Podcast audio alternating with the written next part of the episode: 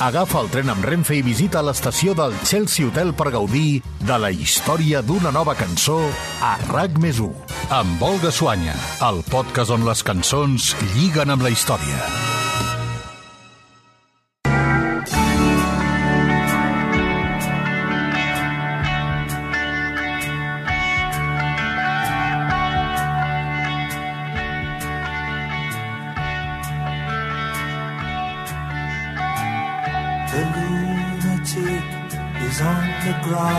Aquesta és la cançó que anuncia el final d'un dels treballs discogràfics més influents de la història i que molts crítics musicals consideren el millor àlbum de tots els temps.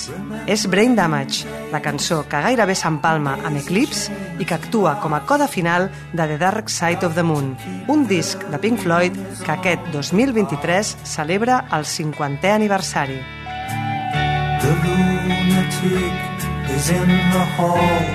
La va compondre Roger Waters pensant en el seu amic i ex-líder de la banda, Sid Barrett. Barrett havia deixat el grup feia 3 anys i en aquells moments estava passant per un moment complicat a causa de l'abús de drogues i els problemes de salut mental que tenia. D'aquí el títol que Waters va triar pel tema, Dany cerebral. Paperboy brings more. En aquest episodi del podcast del Chelsea Hotel us proposem fer un viatge a través del costat fosc de la Lluna per descobrir algunes de les històries que s'amaguen darrere d'aquest mític treball de Pink Floyd.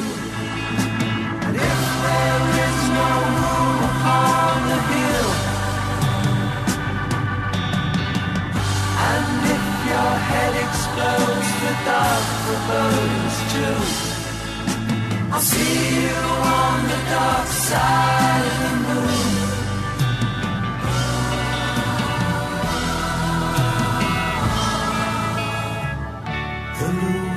Ens traslladem al juny de 1972. Després d'uns mesos de gira pels Estats Units, Roger Waters, David Gilmour, Richard Wright i Nick Mason tornaven a Londres per gravar el seu vuitè àlbum d'estudi.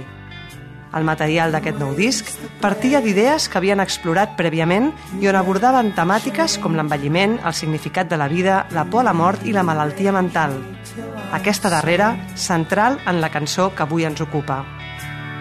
You lock the door, throw away the key. There's someone in my head, but it's not me. En un inici, Roger Waters la va titular The Dark Side of the Moon, però finalment el tema es va editar com a Brain Damage i el nom amb què Waters l'havia batejat originalment és el que van acabar triant com a títol de l'àlbum. El resultat final es va publicar al març de 1973 després de mig any intens de feina als Abbey Road Studios, amb Alan Parsons com a enginyer de so.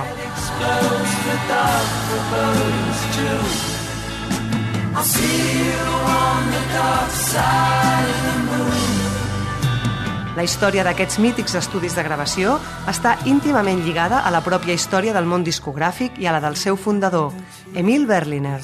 Aquest inventor germanoamericà, d'origen jueu, a qui devem la creació del gramòfon i els precursors dels discos de vinil, fou qui va fundar a finals del segle XIX la Gramophone Company, una empresa que, a banda de fabricar aparells, també feia gravacions i que ben aviat es va convertir en un dels motors de l'aparició d'una indústria nova, la discogràfica. Durant les dues primeres dècades del segle XX, la companyia no va parar de créixer i el 1931, convertida en Electrical and Musical Industries, el que coneixem com EMI, va comprar per 100.000 lliures esterlines l'edifici situat al número 3 del carrer Abbey Road i el va transformar en un dels primers estudis de gravació del món.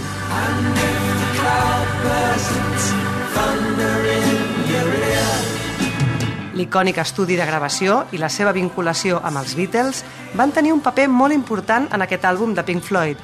La semblança de la melodia de Brain Damage amb l'arpegi de guitarra acústica de Dear Prudence, gravada pel quartet de Liverpool en aquell mateix estudi cinc anys abans, és un primer punt de connexió entre les dues bandes a través de les sales de gravació dels Abbey Road Studios.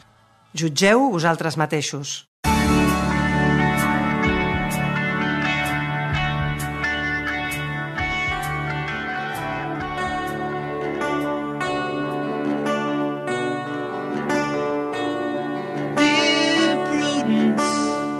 Però aquesta referència és present en tot el The Dark Side of the Moon, ja que la major part del disc es van registrar sobre una cinta on els Beatles havien gravat les cançons de Help. De fet, hi ha qui diu que si un s'hi fixa bé, al final d'Eclipse, el tema que gairebé s'empalma amb Brain Damage, es pot sentir de fons alguna cosa de Ticket to Ride. Tot i que el disc té la seva pròpia pista, Eclipse no es pot entendre sense la seva connexió amb la cançó que la precedeix. N'és el tancament final, i no només de Brain Damage, sinó de tot el disc.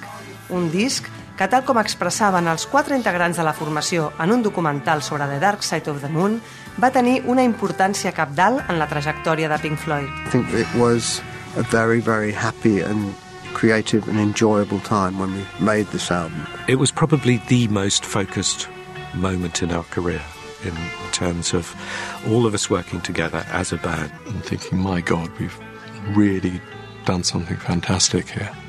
There's nothing plastic about it, you know. There's no, there's nothing contrived about it, and and I think that's what has given it its, or maybe one of the things that's given it its longevity. Així doncs, més enllà de la participació tècnica en l'enregistrament de The Dark Side of the Moon, els Abbey Road Studios van impregnar el seu esperit en aquest àlbum Pink Floydià. Durant dècades han estat els estudis de referència de grans músics i de les seves sales de gravació n'han sortit alguns dels treballs discogràfics més aclamats.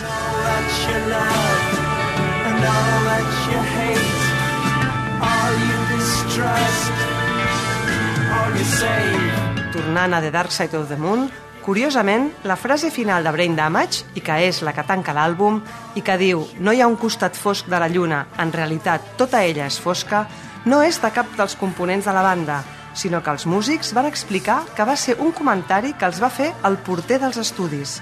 Els va semblar una expressió tan oportuna en el context del marc conceptual que estaven desenvolupant que van decidir incloure-la com a tancament. Poc es podia imaginar aquell treballador dels Abbey Road Studios que la seva aportació seria la cirereta que Pink Floyd triaria per tancar el que s'ha convertit en un dels àlbums més venuts de la història.